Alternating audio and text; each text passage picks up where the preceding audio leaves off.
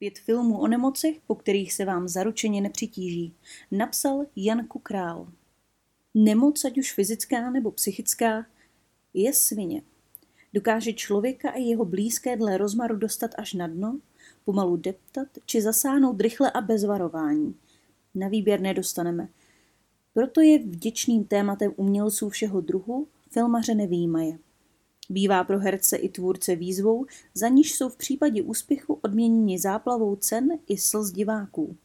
Sami jich určitě znáte spoustu, proto jsem vybral v našich luzích a hájích méně profláklou pětici, která má ale rozhodně co nabídnout.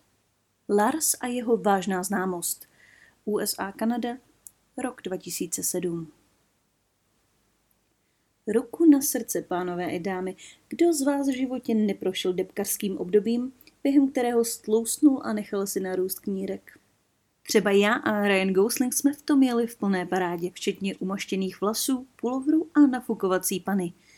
Akorát, že nad Goslingem se kvůli tomu dojímalo celé městečko, zatímco já se na soudní příkaz musel odstěhovat od rodičů. Ale to už je jiný příběh. Věnujeme se tedy raději Ryanovi. Budoucí celosvětový idol ve snímku z roku 2007 hraje extrémně plachého a uzavřeného Larse. Mladého muže, kterému i jen dotyk jiného člověka působí až fyzickou bolest. Tudíž ho natchne nevinná informace o prodeji realistických nafukovacích panen. O něco menší nadšení zavládne v rodině jeho bratra, když jim Bianku, jak se jí pana jmenuje, přivede představit. Lars má vše dokonale promyšlené.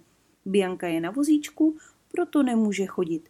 Mluví za ní, jí její porce jídla, prostě si vybájí to, o čem vždycky snil. Bezpečný kousek štěstí, kde se nemůže nic stát.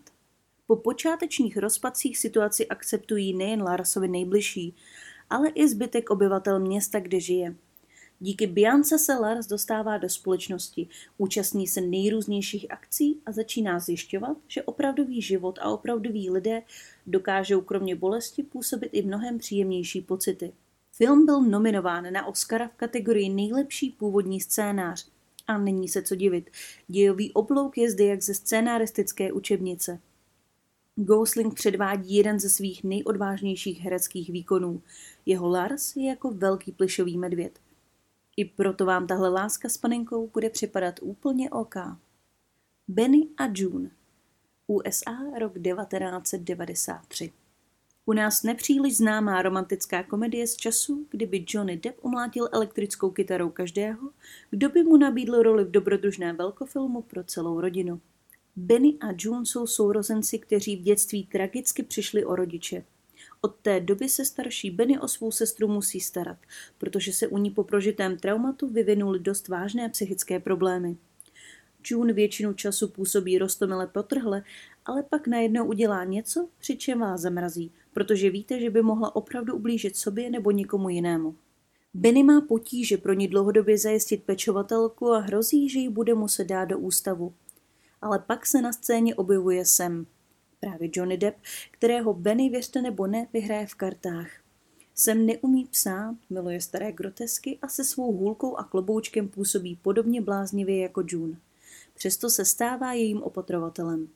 Oba si brzy padnou do noty a hledají cestu nejen jeden k druhému, ale i k tomu, aby mohli navzdory neúplně standardnímu chování zažívat svobodně všechny ty hezké věci, jako je láska, společné bydlení, opékání toustou žehličkou, a tak dále, aniž by jim do toho kdokoliv takzvaně normální kecal. Tenhle film je povinnost pro fanoušky Johnnyho, stejně jako pro každého, koho tuctové romantiárny neberou. Smrt v přímém přenosu. Francie, Velká Británie, Západní Německo, rok 1980. Co je horší? Být zklamaný nebo zklamat?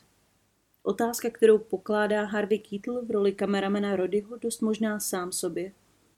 Píše se rok 2021 a i když všichni a všechno vypadají úplně, jako kdyby to byl spíš rok 1980, pár rozdílů se v tomto světě budoucnosti přece jen najde. Především lidé už téměř neumírají na nemoci. Veškeré trápení posledních dní je pryč. Dožívají v ústavech, kde jsou udržováni šťastní. Ani neví, že jejich životy končí. Kateřina Mortenhová, kterou hraje Rome Schneiderová, ale svoji diagnózu zná. Je výjimkou jednou z mála, kterou má nemoc ještě zabít. Proto a pro její krásu ji televizní společnost vybere jako ideální objekt nové reality show Smrt v přímém přenosu. Necitlivá veřejnost už zapomněla na hrůzu pomalého umírání, takže se očekává, že budou diváci dychtivě přilepení k obrazovkám, fascinováni rozpadem jejího půvalbu i života. Kateřina nabídku odmítá, ale i tak se z ní stává štvaná zvěř. Dává si na útěk a potkává Rodyho, mladého muže, který jí pomáhá a který si jako první člověk nechal do oka operovat kameru. Že pracuje pro televizi Kateřina vůbec netuší, stejně jako to, že je při svém úniku před civilizací sledována celým národem. Na každém kroku, v každé situaci. Co na to Rodyho morálka? Odehrává se před námi drama ze staré evropské školy, kde si postavy neodpovídají na otázky a dialogy jsou spíše střídající se monology, plné hlubokých myšlenek a vznosných slov. Král rybář USA, rok 1991 Film Monty Pythonovského režiséra Terryho Gilliama byl nominován na pět Oscarů a je hereckým rokovým koncertem Jeffa Bridgese, Robina Williamse a také úžasné Mercedes Rulové. Bridges hraje arrogantního rádiového disjokeje Jacka Lucase, který ve svých pořadech rád dělá z volajících idioty a jejich problémy nebere vůbec vážně.